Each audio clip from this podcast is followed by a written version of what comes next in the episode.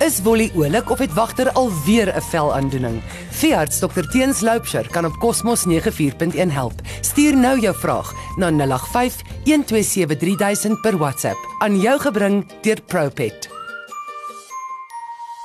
Wagter, het jy 'n seertoon? Maar wag wagter, ek gaan jou nie nou veearts toe vat nie.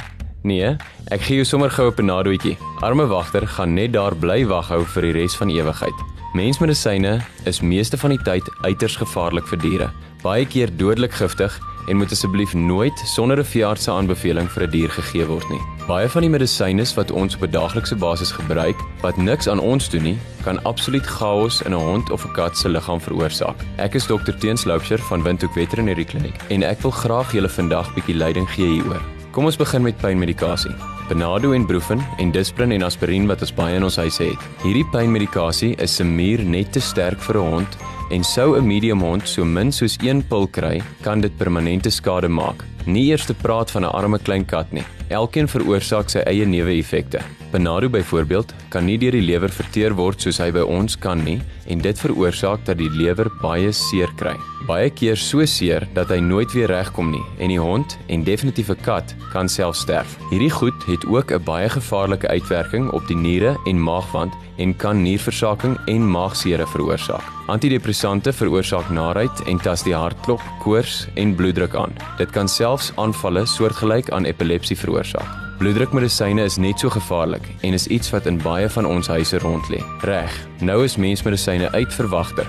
Wat van mens kos? Ek het laasweek gesels oor sout en speserye wat nie deur die diere se liggame hanteer kan word nie en druk op die hart sit. Dit veroorsaak dat die liggaam se vloeistofregulasie in al die verskillende kompartemente nie soos normaal kan funksioneer nie en dit kan maak dat die lewer, hart en niere ekstra hard moet werk. Sjokolade kan in klein hoeveelhede naait veroorsaak en in groot hoeveelhede kan dit tot dood lei. Dieselfde met koffie en kafeïne.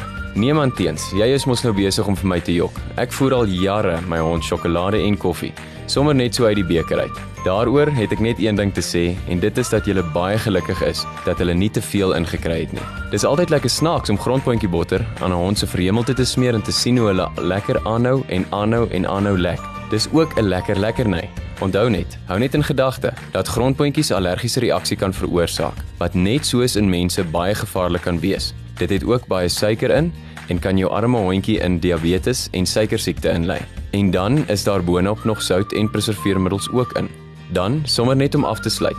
Wat te maak met daai lekker woefkardoes wat nou so oorgebly het by gisteraand se uiteet? Kom ons dink bietjie. Dit het sout en suiker en speserye en dan 'n groot gevaar van bene. Baie honde in die wêreld eet baie bene en kom niks oor nie, maar daar is 'n gevaar. Ook bene van gaarkos kan nie verteer word deur die liggaam nie en so samel dit aan. As jy voel dat 'n hond moet bene kry en die gevare in ag geneem het, dan koop liewerster hondebene of kookbene by die naaste slaghuis en voer 'n lekker groot rou been wat nie ingesluk kan word nie. Of kom gesels met ons wat die beste is. Ek verstaan dat daar omgegee word vir wagter en dat ons graag nie wil hê dat hulle pyn het nie. Daaroor bel graag julle veearts se noodnommer en ons kan die regte ding voorskryf of aanbeveel.